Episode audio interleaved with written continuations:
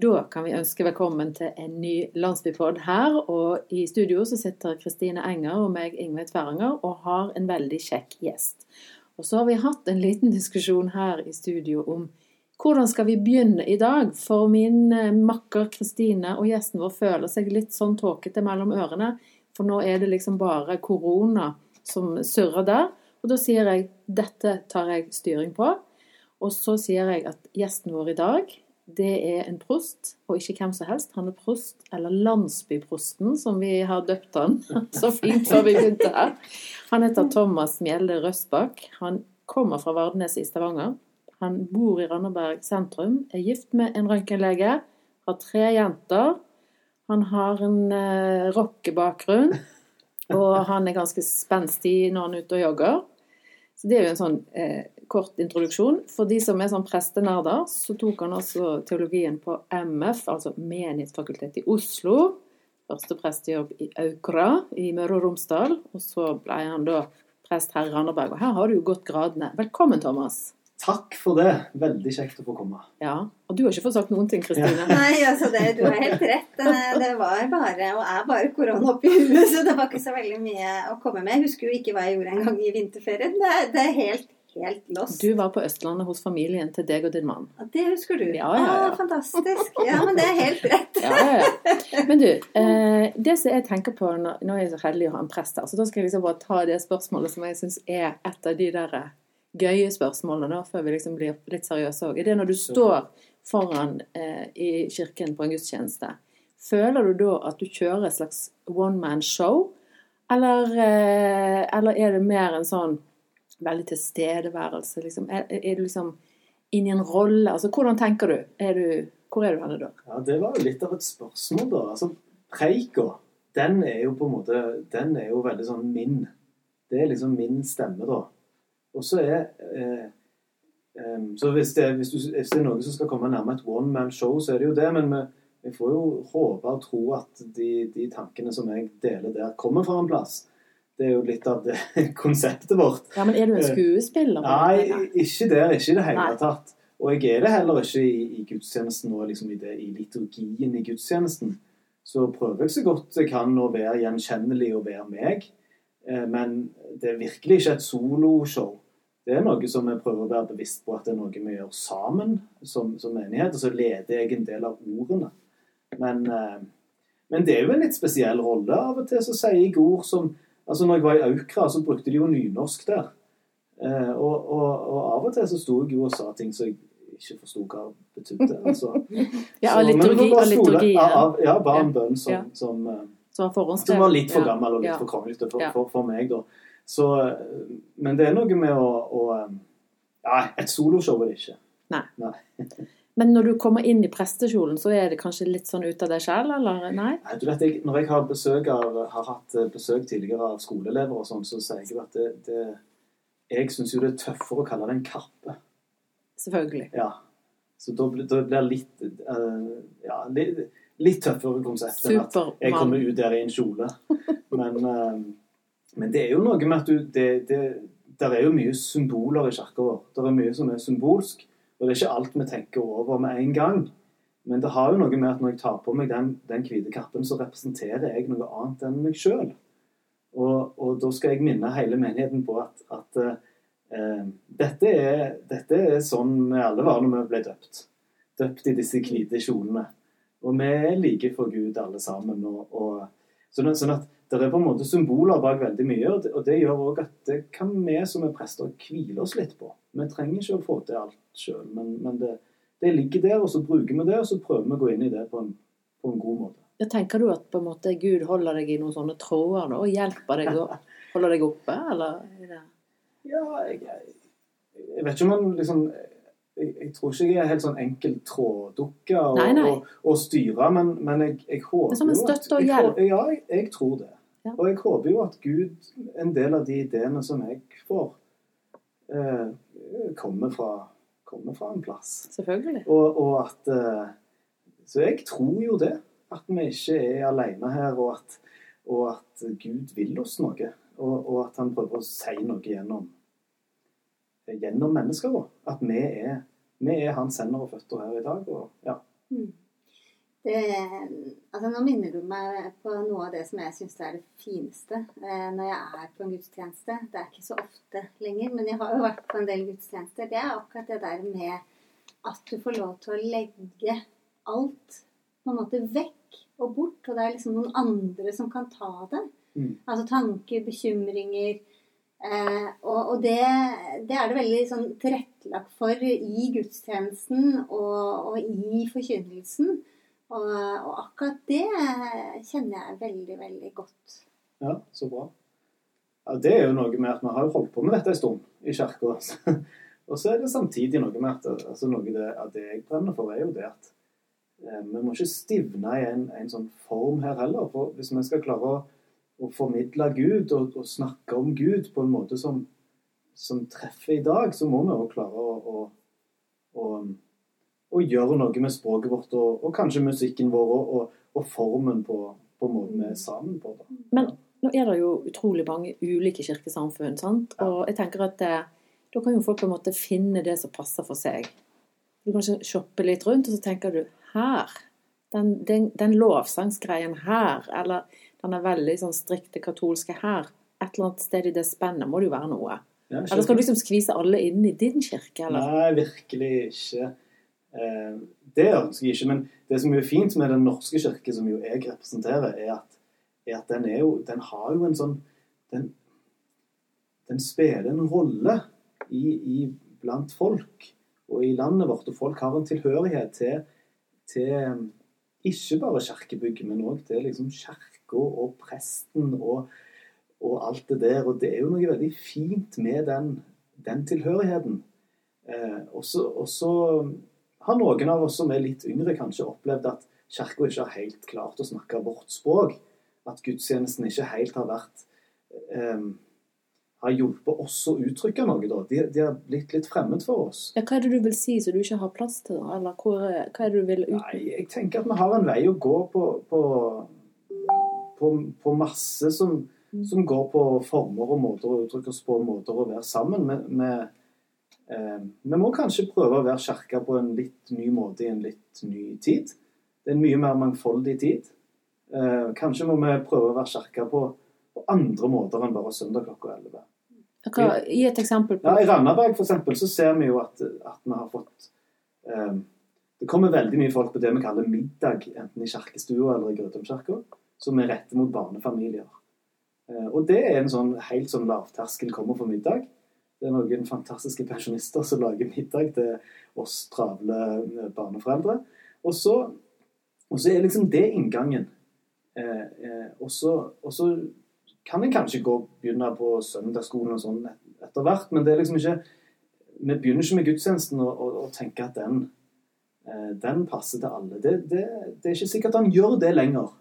Det er ikke alle i kirka som er enige med meg i dette, men, men, men jeg, tenker at, eh, jeg tenker at vi må, vi må prøve å være kirka på litt, litt, nye måter i, møte med en ny tid. Mm. Og det, Der er du inne på noe veldig viktig. og noe av det, altså det, det, som jeg har vært med på en gang, da var det en prest eh, som var inne bare for en kort periode. Og hun hadde sånne meditasjoner eh, et par ganger i uka på kvelden. Eh, jeg tror det var meditasjonsbønn, jeg, som hun kalte det. Og, og, det var jeg med på. Det var liksom noe helt annet, og det var utrolig fint. Og, og, og det var å være både i kirkerommet og, og være i, i, ja, i en, Det er en helt ny setting, altså. Um, og en veiledning i denne meditasjonsbønnen som var spennende og noe nytt å oppdage. Så det, så, så, sånne ting uh, tenker jeg er veldig framtidsretta for kirka. Mm. Og jeg, ja, jeg, jeg syns det er kjempefint. og jeg, jeg, vil jo gjerne ha ei kirke som våger å gjøre noe nytt. Som våger å prøve, iallfall. Og så kan vi kanskje se da etter altså, funker det eller funker det ikke. Men nå har vi kommet til en plass der vi må våge å prøve noe nytt. Vi må våge å slippe litt løs mangfoldet og tenke at kirka er ikke bare en bygning eh, Kirka er en organisme av folk som, som tror, og, og, og, la det uttrykke seg på, på ulike måter. da. Fordi at det mangfoldet er jo folk vant til. Det er jo sånn vi uttrykker oss i dag. Men hvis du skal ønske deg, da så Si nå at du gikk inn i uh, kirkeshoppen og ønsket deg en framtidsrettet uh, organisme. Altså, hva, hva, er det? Bare, vær litt sånn, bare drøm litt høyt. Ja, Det er kirker som er nær folk. altså Middag i stua er et eksempel på det. Ja. For det er noe det, er jo, det er jo noe der folk kommer sammen, og det er fint. Men det er òg noe som folk trenger. Som i alle fall Altså Du vil at kirken skal bli nyttig? Jeg vil at vi skal bli nær folk, og at vi skal bli relevant. At vi skal oppleves relevant. At folk kan komme med, komme med, med de tingene som, som, som, de bærer på å legge det litt mm. fra seg da, og få, få mulighet til å få um, få løfta blikket litt. Men da snakker du om en veldig sånn praktisk kirke, mens Kristine snakker om spiritualitet på et annet nivå. sant? Så det er jo et stort spenn der, og du skal levere på.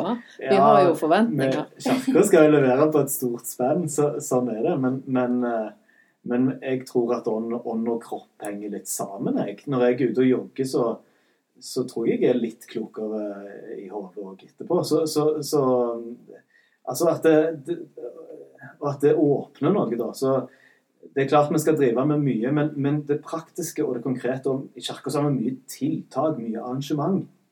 Men det dreier seg jo om å peke på, peke på den, det vi tror på.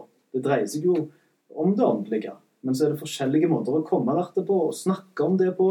Det er forskjellige melodier vi kan bruke for å synge om det på. Og, og noen melodier treffer noen, og andre melodier treffer andre. Og jeg tror vi må bli bedre på å, å, å bruke hele spennet mm. som kirke for, for, å treffe flere. Ja.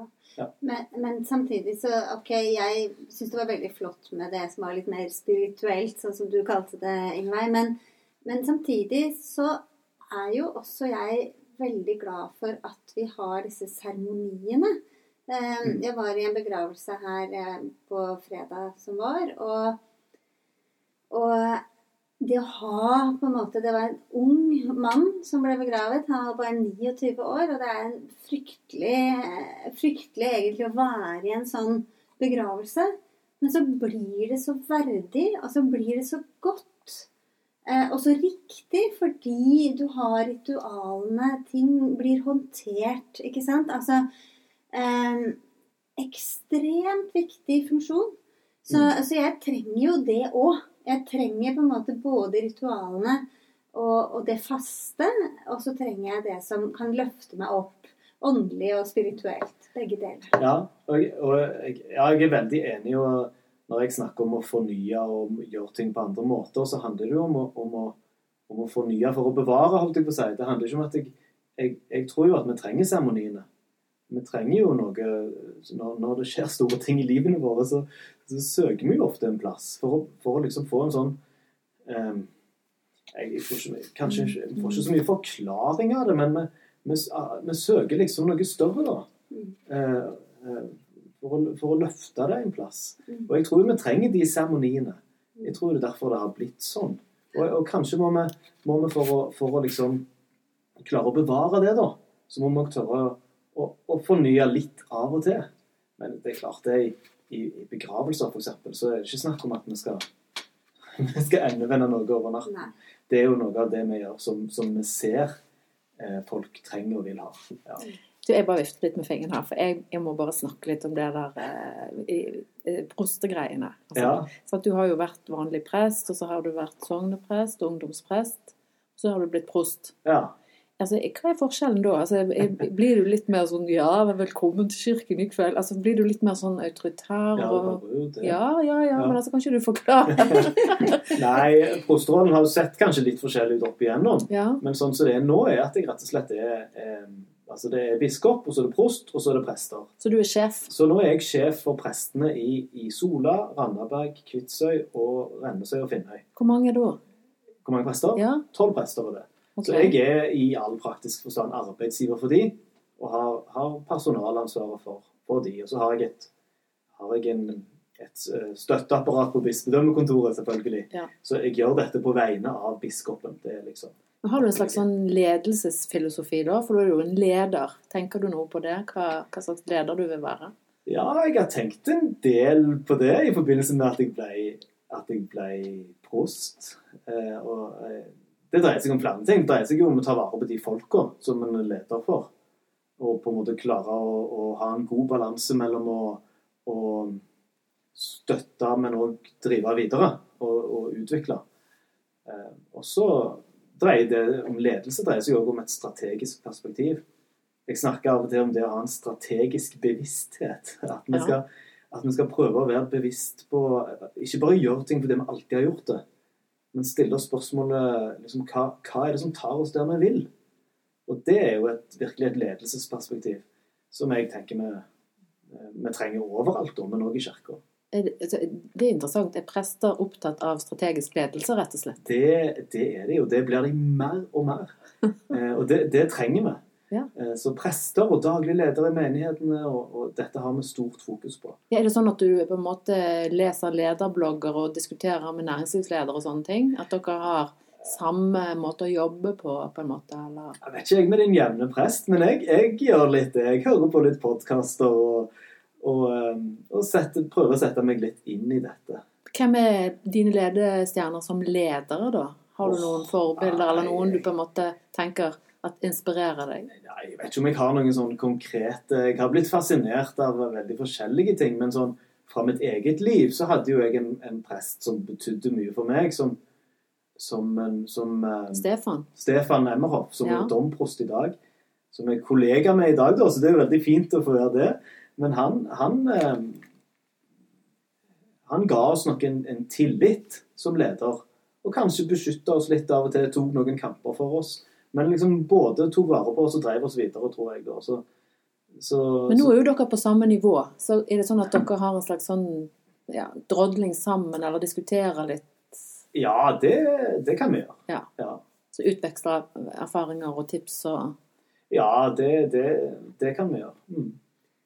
mm du leder jo da prester. Ja. Og jeg tenker den presterollen, eh, den er jo krevende. Du snakka i stad om at ok, når du hadde på deg eh, kappa, så, så var det én ting. Men når dere tar av denne kappa og går ut i lokalsamfunnet, ja, så er det fremdeles presten. Mm. Ikke sant? Og du er prosten, og, og det gir jo en ekstra lederutfordring, da, tenker jeg, i din rolle. For, eh, for det å veilede, da, hvordan skal de Altså at, at de får tatt Eh, får sine pusterom, ikke sant, får henta seg inn, at de tar vare på seg sjøl. Altså, I utgangspunktet så er det jo et yrke som er jo veldig krevende, sånn, for du gir mye av deg sjøl, og du møter mennesker både i sorg og, og i, i, eh, glede, for, for, å si det sånn. Det er jo begge deler. Men, men bare altså det å se de og få ivaretatt de, og sørge for at de ivaretar seg selv, det må jo være en, en del av, av, utfordringsbildet ditt. Ja, helt klart. Og har jo, nå har jo dette blitt, det har jo blitt profesjonalisert opp igjennom. Så prester har arbeidstid, de tror, tror det eller ei. Og det er jo noe av min oppgave å sørge for at de er forbi sin arbeidstid. Men, men, så er det som du sier, at når jeg, når jeg, går på butikken, så er jeg liksom presten. Når jeg henter på SFO, så, så er ikke jeg først og fremst pappaen til jenta mi, men jeg er presten for veldig mange. Og, og det for, av og til så kan jeg synes det er litt dumt, for av og til har jeg bare lyst til å være pappa. Men så er det noe veldig fint med at i Randaberg så, så, så, så, representerer du et eller annet som presten, da. Noe folk har en, en eller annen tilhørighet til. Mange som syns du er litt for ung, tenker jeg. ja, på gamlehjemmet når jeg kom i begynnelsen der, så, så, så kalte de meg for konfirmanten. Ja. så, men, men, jeg sier jeg har papirer på at jeg er prost, altså. Ja. Så, men, men eh, jeg vil si det er helt, det er helt klart mest, mest, fine ting. Å være prest er en ganske fleksibel jobb. Du kan, du kan... Men du får jo tillagt en haug med meninger og ståsteder og holdninger. Gjør du ikke det? Eh, som prest? Ja, ja. ja det er jo det er, nok, eh, det er nok en flere som har møtt meg i andre sammenhenger på en fest eller et eller annet, som har blitt litt sånn overraska over hvor, hvor vanlig jeg tilsynelatende virker. Så kanskje jeg har klart å lure dem, da. Uh, nei, jeg vet ikke. Så, så, det er klart du blir tillagt mye. Ja, hvor vanlig er du, vil du si? Ja, men det, ja, men det er et godt spørsmål, syns jeg. jo, men sånn... jeg, tror jeg, jeg tror jeg er en ganske vanlig mann, altså. Det er, ikke, det er ikke, så mye mer enn det. Jeg, og jeg, jeg, er veldig glad for at jeg har venner og folk rundt meg og familie som, som gjør at jeg kan føle meg som en vanlig mann. Ja. Det er kanskje et teit spørsmål, ikke så, et godt spørsmål. Nei, men altså, det er jo, det, det er jo en rolle å være prest. Og da tror jeg det samtidig er viktig å ha noen fora hvor du tenker at du bare er Thomas. Mm. Men jeg tenker på Stefan, som på en måte var din mentor, eller kanskje er mer en kollega nå. Så husker jo jeg han med gitaren. Altså, Han er jo for meg en sånn derre litt sånn eh, rockete prest, men litt sånn godslig koselig. Og du er jo en avlegger av han, sant? Du er jo frontfigur i et band. Så du har liksom tatt det ett hakk videre. Ja, nå er det et band som har, som har eh, ca. én spillejobb i året. Men, men, uh, vi har det veldig gøy der. Ja, hva er det dere spiller da? Der synger jeg, ja. Nei, altså det, det, det bandet, da, det heter jo, heter jo da Eirik Fosse and The Guilty Pleasures. Så vi spiller pianisten sine Guilty Pleasures. Ah, det er konseptet. Akkurat. Så ofte sanger på 80-tallet som jeg ikke har et forhold til, aldri har hørt uh, før. Men, men, og andre ting, da. Men, men det er veldig gøy, altså. Eirik Fosse and the Guilty Pleasures. er det en sånn på YouTube der, eller? Nei, det er det ikke. Det vet jeg ikke om, om men, jeg ønsker at det skal bli heller. men eh, hva, et eksempel på en låt, er det liksom eh, eh, Er det ekte rock, eller er det mer sånn pop? Eller hva er det? Nei, pop og pop, det, det er vel ikke et eksempel på en låt. Vi har jo, vi har jo mye rart da fra Det er ikke sånn DumDum Boys sånn uh, eller Kanskje han September When. Splitter Splitter Pine en gang òg. Ja, jeg, jeg, jeg, lurer på det, altså. Eller så har vi jo Altså, vi kan, vi kan spille Vi har jo hatt Det spørs, litt hva vi skal gjøre, om folk skal danse, eller om det skal være mer sånn 80-talls uh, Kiss, liksom. Um, for det er jo noen eh, ACDC har vi, har vi spilt. Det er ikke så dansbart, det, da, men da kan vi slå til med litt Creedence, kanskje. Så, ja. ja. for det er jo noen folk i Stavanger som har noe som heter Skandalebandet, som du kanskje har hørt om. Nei, som har en sånn ja, Folk som ikke er musikere, egentlig, men som bare smeller sammen noe greier, og har en sånn stor konsert i året. Sant? Sånn type leier et lokale og inviterer alle venner og kjente. Men dere er mer i en privat setting da? ja, dette er mer en det er nok litt mer enn en privat setting. Ja. Det, er på tide at dere kommer ut. Ja, ja, ja, ja, vi får se, da. Folken. Vi har dagtidsjobber, for å si det sånn. Fylle folken. Ja, ja. Hadde ikke det vært gøy? Fylle folken? Ja. Jo, det er sikkert. Jeg, har jo, jeg gikk musikklinja, så jeg tror jeg har vært med på det òg i min tid. Jeg, å, å fylle folken. Så, så, det er selvfølgelig gøy. Det syns jeg er gøy. Ja. Men hvordan havnet du borti det å bli prest? For det er jo ikke en A4-vei å gå. Nei, det er kanskje ikke det. Det er egentlig litt eh, Det at jeg ble prest, det tror jeg er mer sånn eh, på tross av enn på grunn av. Eller det var noe med at jeg, ble engasjert i Verdnes, i kirka der. Den kirka var jo ny i, I Stavanger. Når jeg var i Stavanger. Eh, den var ny når jeg var ferdig med videregående omtrent. Og jeg jobbet der et år. og jeg Det var veldig mange i Stavanger som hadde, hadde stort fokus på misjon og på utlandet. Og det, det, er jo viktig, men jeg som ungdom satt der med en sånn Men hva med byggefeltet? Og Vardnes i den tida hadde en del utfordringer. Og jeg var liksom så veldig med, Hvordan kan vi være kirke her? Og så fikk vi jo et ungdomsarbeid der som, som, tror jeg betydde mye for mange, og som var ganske stort. Um, og da fikk jeg oppleve litt eh, hvordan kirka kunne være. Og så så jeg samtidig at det var jo så mye med kirka som jeg skulle ønsket var annerledes. Og så tenkte jeg vel at den eneste måten jeg kan gjøre noe med det på, er, er å bli en del av det. Mm. Nå, så nå har jeg jo muligheten til det, da. Nå er jeg en del av det. Og jeg prøver de gangene jeg har mulighet, si noe om hvordan jeg tenker at jeg syns kirka skal være. Kjenner du at du er litt sånn anarkistisk? da? At du er litt opprør innenfra? Jeg vil ikke si at jeg er anarkistisk, men du vet, i min bransje så er jo jeg ennå den unge. Selv om jeg er presten. Prosten. prosten. prosten. Så, så, eh, jeg føler vel av og til at folk tenker at, at det er min rolle å være han, han, han unge her. Mm. Som, som, kommer litt med, med, det som er nytt. Og det, det er helt fint. Det, det, det kan jeg gjerne gjøre. Uh, ja. får, du, får, du, gjort noe altså En ting er liksom her i vår region og i, i Tungenes prosti. Men får du på en måte gjort det, eh, løfta det liksom litt opp uh, i hele bispedømmet og kanskje også nasjonalt? Det, det, er jo ikke så mange proster som er altså Du er i midten av 30-åra, er du det?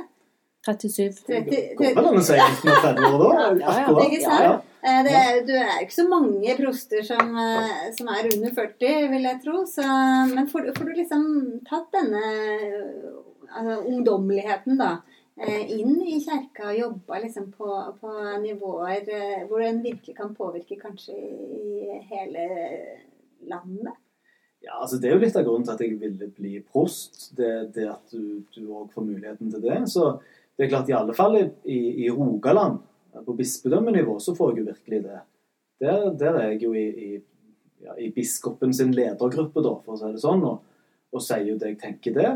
Og så prøver jeg òg å bruke anledningen jeg har i andre sammenhenger med de jeg treffer fra nasjonalt hold, til å si hva jeg tenker. Og så ser kirka ganske annerledes ut enn fra Østlandet til, til, Vestlandet. Så av og til så kan det være litt sånn um, OK, vil dere det? Eh, I, Norge når jeg snakker med folk fra Østlandet. Men så, men så, er det samtidig noe med at vi, vi er jo mye folk i kirka her ennå.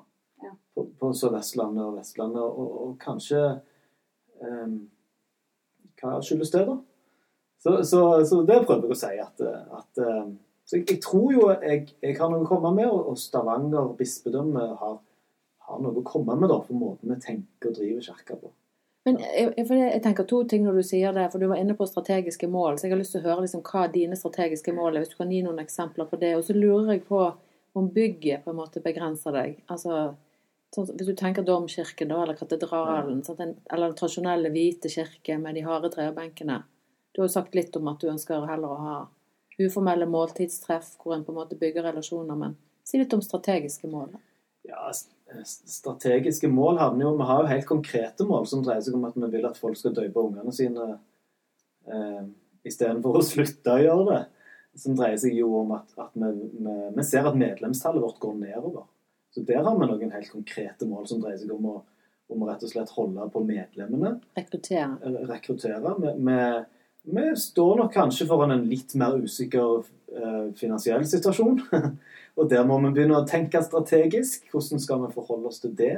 kan Kirken bli døpt til liksom eh, DNB-kirken, på en måte, sånn som vi har en hockey? Det tror jeg ligger ganske langt unna. Jeg, jeg, jeg, lurer på det, ja. Men altså, det, så det er noe av det. Og så dreier det seg selvfølgelig om hvordan vi kan være eh, en, en nær og relevant kirke. da. Altså, så at vi kan oppleves som det. Og, og spesielt for noen generasjoner så har vi en vei å gå. For ungdommer og for unge mennesker, om vi kan si det da i dag, så tror jeg mange, eh, mange flere enn før, oppfatter at det er litt stor avstand mellom måten de uttrykker seg på, og måten Kirka uttrykker seg på. Og jeg vil gjerne at vi skal klare å gi vårt gode budskap til de på en måte som de forstår det. Så du vil vekke opp Kirken litt, da? Eller? Jeg vil vekke opp kirka. Ja, det høres jo litt stort ut. Ja, men de som sitter og bestemmer, på en måte, de er ikke med på det. Jeg er jo en av de som sitter og bestemmer, ja, ja, så, men... så, nå, nå, nå, får jeg, nå får jeg mulighetene, da. Det, det, det er problemet. Nei, men altså, kirka er en, en, eh, en, stor organisasjon, en veldig mangfoldig organisasjon, og en, en organisasjon med lange tradisjoner. Så her tar det litt tid å snu båten, altså. Eh, og, og det skal det gjøre. Fordi at de, de, der linjene tilbake og den der forankringen, den, den skal være der samtidig, da. Mm. Så mm. ja. OK. Nå lurer jeg litt på eh, om jeg kan snart komme litt inn på de tingene som jeg hadde litt lyst til å snakke om. Ja, du må spørre om det. Til, For vi har ikke så lang tid igjen. Nei, det var jo dette med at det surrer mye sånn koronatenkning. Ja, nå, nå åpner vi for korona. ja, ja, Så det var veldig bra. Tusen takk, Ingveig. Eh, nei, for eh, du sa når du, vi var på vei inn her i studio at eh, nå blir jo gudstjenesten eh, avlyst på søndag. Altså, det er jo gudstjeneste både i Randaberg og i Grødem kirke, tenker jeg. Så begge kirkene så blir det Ja, Nå er ikke avgjørelsen endelig tatt. Jeg sa vel at det kan gå mot det. Eh, det er en litt sånn prosess på hvordan vi skal gjøre det, men, men eh, de skal først uh, vurdere det lokalt, og så skal prosten ta en avgjørelse. Okay. Og i, i, de tilfellene hvor en vurderer at en, vi vil gjennomføre, så, så, må en jo ta det med kommunelegen. Men jeg, mitt syn på dette er jo at det skal mye til at vi ikke er med og bidrar i denne, i denne dugnaden. Ja. Dette handler om å ta vare på de, de som, som, trenger det akkurat nå. Og da, da, ser jeg ingen grunn til at vi skal drive og samle masse folk, når rådene er at vi ikke skal samle folk. Mm. Og så er det folk som skal ha dåp, og, og, det skal vi få ivaretatt. Ja. Da holder vi mindre seremonier eh, for familiene til de som skal ha dåp. Mm. Og så kommer det begravelser, eh, og der er rådet nå at eh, begravelsen blir for de nærmeste. Rett og slett for å begrense eh, for å begrense antall folk, og at vi ikke hilser på hverandre eller klemmer hverandre, og vi prøver å uttrykke medfølelse med ord eller på en annen måte. Så det blir jo noen litt annerledes uker framover. Ja. Men Kirka må være med på den, den, dugnaden som dette er. Det er jo å, å vise omsorg i denne settingen. Så, så nå, nå, nå, har jeg brukt dagen på avklaringer i forhold til dette. Så blir det en runde med menighetene i morgen på hva tenker de, og så kommer beslutningene etter det. Mm. Jeg skjønner. Eh, men det med å ha dåp som, som en sånn individuell seremoni, det er jo egentlig en veldig fin løsning, da. Og det, og det, er jo sånn som en kan tenke Hvis dette nå drar ut, og du kommer inn i konfirmasjonssesongen, så, så, kan jo kanskje det løses litt på samme måte. Jeg kan godt tenke meg at det er en del som planlegger nå for konfirmasjon, som begynner å Det sitter ei Ingveig sitter rett her nå. Ja, men vi, vi, tar det vi får, tenker jeg. Ja, ja, men altså bare det når du sa det med dåp, ikke sant, så tenker jeg ok, da er det jo 70, egentlig en 70 individuelle konfirmasjoner. Jo, jo. Ja, det blir mye ja. Vi må det er helt klart at, at uh, dette må vi finne en måte å løse. Hvis det er aktuelt når konfirmasjonstida kommer, så må vi finne en måte å, å, å løse det på. Og så kan det jo være at dette går utover konfirmasjonsfestene til en del folk, og at folk velger å utsette liksom, markeringen da. Så uh, vi har ikke helt kommet der at vi har landa på, på, hvordan dette skal se ut, men, men vi som kirke må være med, være med, på dette. Så, ja. så det er godt å ja. høre. Det er en prosess rett og slett å finne ut hvordan en gjør dette etter hvert som ting utvikler seg. Men du, eh, Thomas og Kristine, vi begynte jo med at dere var litt i koronatåken. Men når vi nå bare setter oss ned og snakker rolig om ting, så blir det jo bedre. Altså, Kjenner dere at det har lettet litt, eller? Ja, i hvert fall når jeg liksom hører at eh, altså, Kirka tenker på sine ting og kommer fram til gode løsninger. Så det er vel egentlig det vi må gjøre alle. sant? Altså ta våre forholdsregler og, og finne fram til, til, gode løsninger. Um, og støtte hverandre og så følge de rådene som er, da. Altså, jeg vet ikke hvor mange ganger jeg har sprita og vaska meg på hendene i dag, men det er ikke få, da, for å si det sånn. Men jeg tenker det er, eh, det er Vi må ro, ta dette helt rolig, og så gjøre kloke valg. Nemlig. Jeg.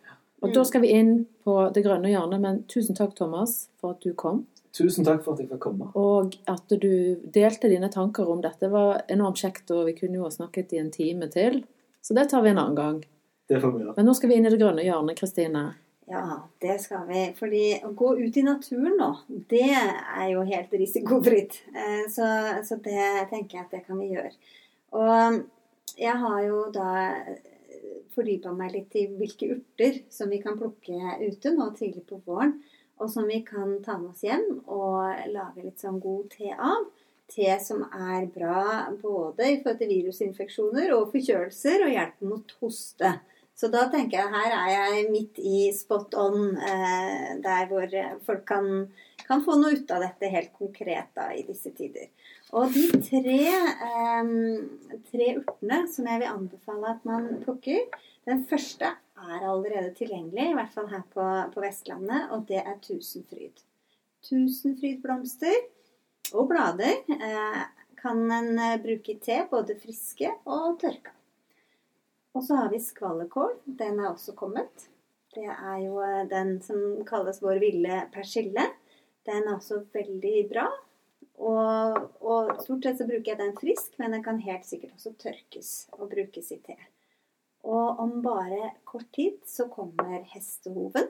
Og det er jo en, en blomst som alle kjenner. Hestehovblomster er også bra i forhold til hoste. Så hvis en da plukker tusenfryd, skvallerkål og hestehovblomster og lager sin egen teblanding, så har hun et lite apotek nå i de ukene som kommer. Så det er mitt, mitt tips. Og hvis en vil få enda mer informasjon, så jobber jeg med et, et, månedsbrev som jeg skal sende ut nå om bare noen få dager. Og hvis dere vil ha det, så må dere gå inn på www.sankeliv.no. Og, melde dere på månedsbrevet mitt, så skal det komme litt mer informasjon. Og litt flere urter også, som man kan velge i. Fantastisk. Sankeliv der, altså. Sankeliv.no. Ja, bra. Du, da skal vi runde av, og da skal jeg si mine visdomsord. Bra, men, så, ja, men nå jobber jeg på sykehuset, og i høst så bestemte jeg meg for at uh, nå skal jeg bli ekstremt mye bedre på håndvask. Så jeg har vært ganske sånn streng med meg sjøl og tatt de 30 sekundene og vasket hendene ganske mange ganger om dagen. Og det har jo gjort at jeg ikke har blitt forkjølt eh, denne sesongen bak i bordet. Så det kan jeg bare si som en sånn I disse koronatider, da, så er håndvasken alfa og omega. Kjør håndvask. Og så har vi sittet og diskutert nå hjemme de siste dagene, og vi har funnet ut at koronaens oppside kan være ganske mange ting som vi ikke vet ennå, men det det iallfall gjør, er at vi roer oss ned. Og det kan eh, gi oss noen livskvaliteter som vi på en måte har glemt. Så den tenker jeg at det er min oppfordring. Eh, sånn, bare tenk på den roen du får nå når du ikke må alt mulig og ikke skal hit og dit. Sånn, du må faktisk bare roe deg helt ned, og så kjenn etterpå hva det gjør. Og kanskje du får noe da som du har lyst til å beholde, som du har glemt at du hadde. Mm. Og da setter vi strek, og så sier vi at eh, Bjørn Tagliano Erdal, som er vår tredje makker, han kunne ikke være med i dag, så han dukker opp etter hvert. Og vi deler på våre sosiale kanaler eh, Thomas, som har vært her i dag, på Instagram og Facebook, som heter Landsbypodden. Og så snakkes vi plutselig igjen. Takk for oss.